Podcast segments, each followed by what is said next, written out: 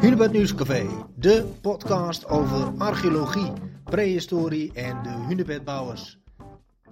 Vandaag spreek ik met onze gastconservator Harry Huisman over een boek. Samen met Maria Braaksma werkte hij aan het grote keienboek. Daar willen we natuurlijk meer van weten. Harry, eh, we hebben het natuurlijk vaak over het landschap, over, over stenen en ook over nou, hoe kun je nou een steen herkennen. Ehm, eh, jij bent niet alleen actief buiten eh, op zoek naar stenen, maar eh, je maakt er ook boekjes over samen, eh, in samenwerking met Maria Braaksma. Kun je daar iets meer over vertellen?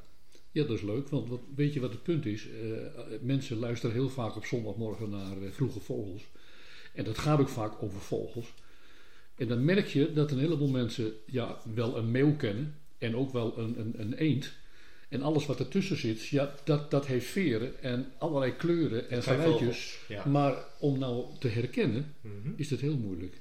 Dus het vraagt enige energie en moeite om daar wat grip op te krijgen. Daar heb je boeken voor, vogelboeken. Mhm. Die staan er prachtig vol met afbeeldingen. Kun je leuk vergelijken en op die manier kom je erin. Dat geldt ook voor stenen. Mhm. Want als je in Drenthe loopt op een bospad of op de hei en je pakt een steen op, ja, dan is het een voorwerp. En je kijkt ernaar. Eh, soms is die wat roodachtig, vaak is die wat grijzer. Ja. En, en als je geluk hebt, dan, dan heb, heb je een mooie glimmende vuursteen. Mhm. Maar wat het is precies en waar het vandaan komt en, en, en waarom het er zo uitziet, ja, dat weten mensen niet. En het gekke is, een vogel is een vogel. En eh, als zijn snaveltje krom is, dan heeft hij of pech of het is een ander soort. Ja. Maar als je een steen hebt, eh, je kunt granieten hebben, je kunt zandstenen hebben, eh, je, je kunt wat ze dan in de geologie gnijzen noemen. Eén voorbeeld, maar voor hetzelfde geld heb je honderd verschillende, die Mhm. allemaal graniet heten en allemaal zandsteen heten en allemaal vuursteen. Dus om daar een beetje grip op te krijgen, heb je boeken nodig met plaatjes. Mhm. Nou, wij zijn een paar jaar geleden begonnen, Maria en ik, met het uitgeven van determinatiegidsen. Ja. Dat zijn gewoon bladergidsen, waarbij je naast informatie over de steen zelf vooral kijkt naar de plaatjes. Ja. En dat zijn hele mooie kleurenfoto's. En zo kun je je steen één op één vergelijken. Maar daar staat van graniet of van zandsteen één of hooguit twee afbeeldingen in. Maar je hebt al duizenden soorten zandstenen met allerlei gekke kleuren en korrelgroottes en fijnheid. Dus om daar nou een klein beetje eh, eh, eh, wat meer mogelijkheden te bieden, hebben wij vorig jaar besloten om een groot keienboek te maken. Zo, een groot keienboek. Ja, het is letterlijk een groot keienboek. Dat wordt A4 formaat, dus het formaat wat je dus eh, van briefpapier hebt, wat je in de printer stopt. Ja. En die krijgt een omvang van onder de 300 pagina's. Met een paar duizend foto's van stenen die gewoon in Noord-Nederland gevonden zijn. De meeste in Drenthe. Mhm. De meeste hebben we ook hier in het Hunebedcentrum. Het leuke is dat die stenen eh, eh, zo verschillend zijn en dat we zoveel keuze hebben, eh, dat we niet bang hoeven zijn dat je in al die boeken dezelfde stenen ziet. Dus verdubbelingen treden eigenlijk niet op. Mhm. Als je van onze eerste stenengidsen, deel 3 en 4, hè, die over Drentse keien gaan, naast elkaar legt, dan zie je gewoon verschillende stenen. Maar die willen we niet in het nieuwe grote boek hebben. Ja, soms is er niet aan te ontkomen, want eh, er zijn stenen bij die zijn super zeldzaam. Ja. Dus als je daar twee exemplaren van hebt, dan moet je wel. Maar de meeste die zijn zo algemeen, die vind je zo divers, dat je kunt gewoon pagina's vullen met stenen die nooit eerder afgebeeld zijn. Dus, dus je hebt eigenlijk dus, dus vier gidsen eh, gemaakt in de loop der jaren, eh, die steeds aan elkaar geschakeld eh, een, breder beeld gaven van, van, van, van de wereld van de keien. Eh, en nu heb je eigenlijk, is dit een soort, de, de Fransen zouden zeggen, pièce de résistance, of hoe zeggen ze dat? Ja, Hè? pièce de, Ja. résistance. Ja, Ja. ja. het is maar goed dat die Fransen dat zeggen. Ja, die- ja, ja, ja. nee. Nee, maar, maar eh, eh, eh, het leuke is, als je een, een steen opraapt, dan heeft hij, ja, dat ding ligt zo weer 150.000 jaar in de bodem. Mhm. Afhankelijk van waar die in de bodem gelegen heeft, kan die er heel fris uitzien. Hè? Als je ergens een bouwput gegraven ziet worden, dan komen er stenen uit die nog mooi kleurig zijn. Maar pak je een steen op langs een akker, die ziet er vaak grauw en vuil uit. Als die een tijd in de winter eh, eh, aan weer en wind heeft blootgelegen, dan spoelen ze wel schoon. Maar al zijn er twee dezelfde stenen uit die bouwput en langs de akker, ze zien er totaal verschillend uit. En, en dat is het beeld wat je de stenen hebt. je moet weten waar je ze vindt. En dan hebben ze een verwering door de tand destijds gekregen, die ze een ander uiterlijk geeft als dat ze vers zijn. Nou, om daar een beetje, een beetje grip op te, uh, te krijgen, Ja. gaan wij dus van elke steensoort op zo'n pagina op zijn minst zes of acht afbeeldingen plaatsen. Mhm. Dus heb je een graniet, dan zie je daar een stuk of zes, verschillend. Ja. Ze zien er van binnen heel anders uit dan van buiten. Dus sla je zo'n steen door, dan komt die pas met zijn mooie kleuren tevoorschijn. Je hebt ook mensen die zagen stenen door met een diamantzaag. Vervolgens wordt er vlak gepolijst als glas. Ja. Ja. En dan is het prachtig om te zien. Ja. Nou, dus wij eh, plaatsen op die pagina stenen zoals je ze vindt. Als je ze doorgeslagen hebt en gepolijst. En dan krijg je dus gewoon een prachtig beeld van ja, eh, eh, honderden steensoorten zoals ze eruit kunnen zien. Je hebt bruine vuurstenen, je hebt zwarte vuurstenen, je hebt ze dof, ze glanzen eh, met breukvlakken. Nou, van vuursteen plaatsen we gewoon twee pagina's. Dat worden zo'n beetje 16 soorten vuurstenen, als het niet meer is.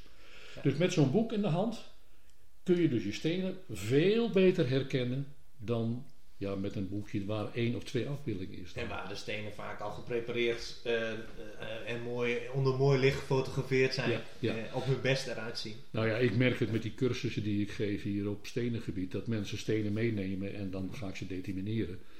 En dan heb je net iets verteld over een steen, hoe die eruit ziet en hè, waar je op moet letten. En dan komt iemand met een steen die langs de akker gevonden is en die heeft dezelfde naam. Hoe kan dat nou?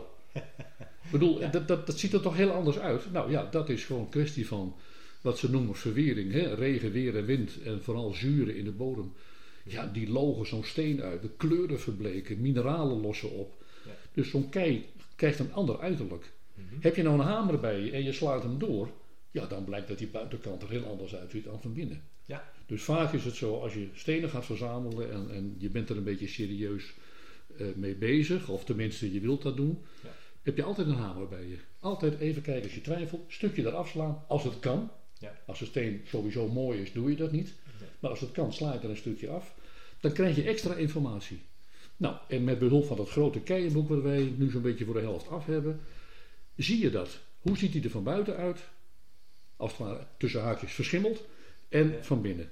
Nou, en dat geeft dan zeg maar die plaatjes, eh, dat geeft die plaatjes heel mooi weer. Ja, dus eh, het grote keienboek, eh, jullie zijn halverwege ongeveer, verklapt hij al een beetje. Dus jullie zijn er nog druk mee bezig. Ja. Maar toch zijn er al exemplaren verkocht, geloof ik. Nou, wij, wij, wij hebben hier alvast rugbaarheid gegeven. Want als mensen het willen zien, dan gaan ze naar mijn website. Dat is heel makkelijk, www.stenenzoeken.nl. En ook al tik je gewoon stenen zoeken in, dan ben je er ook. Ja. En dan kijk je bij determinatiegidsen en dan, dan zie je alles. Eh, dat zien andere mensen ook, die denken, verdikke me, dat is een vondst. Daar wil ik alvast eh een exemplaar van reserveren.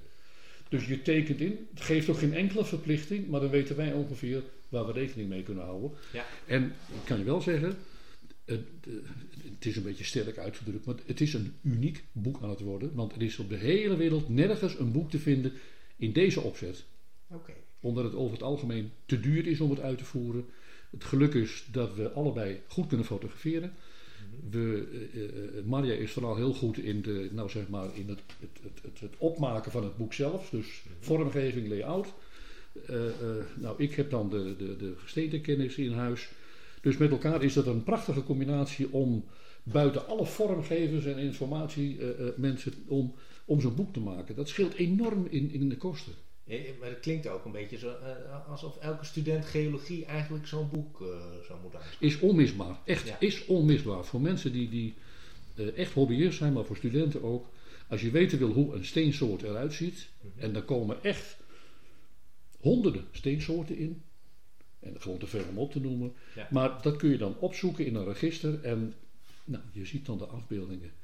En ik wil niet zeggen dat jouw afbeeld of jouw steen exact overeenkomt met de afbeeldingen. Dat lukt nooit. Er is geen steen gelijk aan elkaar, dat wisselt zoveel. Maar op een gegeven moment, als jij een paard in de wei ziet lopen. en die heeft dan bruine eh, eh, manen en een vacht. en er loopt verderop een paard met een wit-zwarte tekening. Ja. dan weet je zeker dat dat zal toch ook wel een paard wezen. Nou, Ja. dat is met stenen net zo. Precies, Ver, vergelijken, vergelijkend onderzoek, hè, dat is ook in de archeologie natuurlijk. eh, Nou ja, en er komt er dus gebruikt. nog bij, dat kom je er nou echt niet uit, en dat zal nog niks verbazen hoor. dan hebben wij als corona voorbij is gewoon weer onze maandelijkse determinatiemiddag hier in het Hunebedcentrum. Ja. ja, en dan kun je gewoon je stenen meenemen. En dat is altijd het beste. Gewoon kijken. En je hebt daarnaast ook nog eens allerlei cursussen uh, gegeven in de afgelopen Ja, jaren. ja. En, uh, en wellicht als corona toelaat. Dan gaan we daar weer mee door. Ja, Ja, dus kunnen ook mensen zich daar verder in bekwamen door op avonden eh, met, eh, met jou en Maya. eh, Nou, en, en, en het leuke is, het, het klinkt erg ambitieus, maar we zijn er nu mee begonnen en we zijn er samen ontzettend enthousiast over. We hebben dus vier van die gidsjes klaar, Ja. die gewoon heel Nederland dekken, van Zuid-Limburg zeg maar tot Delfzijl. Mhm. En, en met beschrijvingen. Want het is niet alleen het afbeelden, ook in het grote boek komen dus inleidende hoofdstukken. Mhm. En dat is dus deel 1. En daar zijn we dus nu mee bezig. Die 13 hoofdstukken die zijn nu klaar. Dat gaat over ijstijden, dat gaat over leeftijden van stenen, eh, waar ze vandaan komen, waar je op moet letten. Kortom, dat is gewoon leeswerk met heel Ja. veel afbeeldingen, ook de geschiedenis daarvan. Ja. En pas deel 2, dat worden de beschrijvingen. Nou, wij zijn dus met het grote boek bezig. Mhm. Dat is eigenlijk een soort intermezzo, wat een beetje uit de hand gelopen is. Als dat klaar is, dan gaan we verder met die kleine gidsen. Ah, ja. Dan worden dat, hè, we hebben eh, eh, eh, hier in Drenthe een Michelt van de vuurstenen. Daar zitten hele mooie fossielen in, die kun je zomaar oprapen. Nou, we maken ook een gids over vuurstenen. Ja. We maken een gids over zandstenen, die je ook gewoon overal vindt. Maar er zitten dus echt prachtige ja, fossielen in van honderden miljoenen jaren oud. Je geeft er een schop tegen aan als je niet weet wat het is. Maar zie je het? Bingo. Ja, mooi.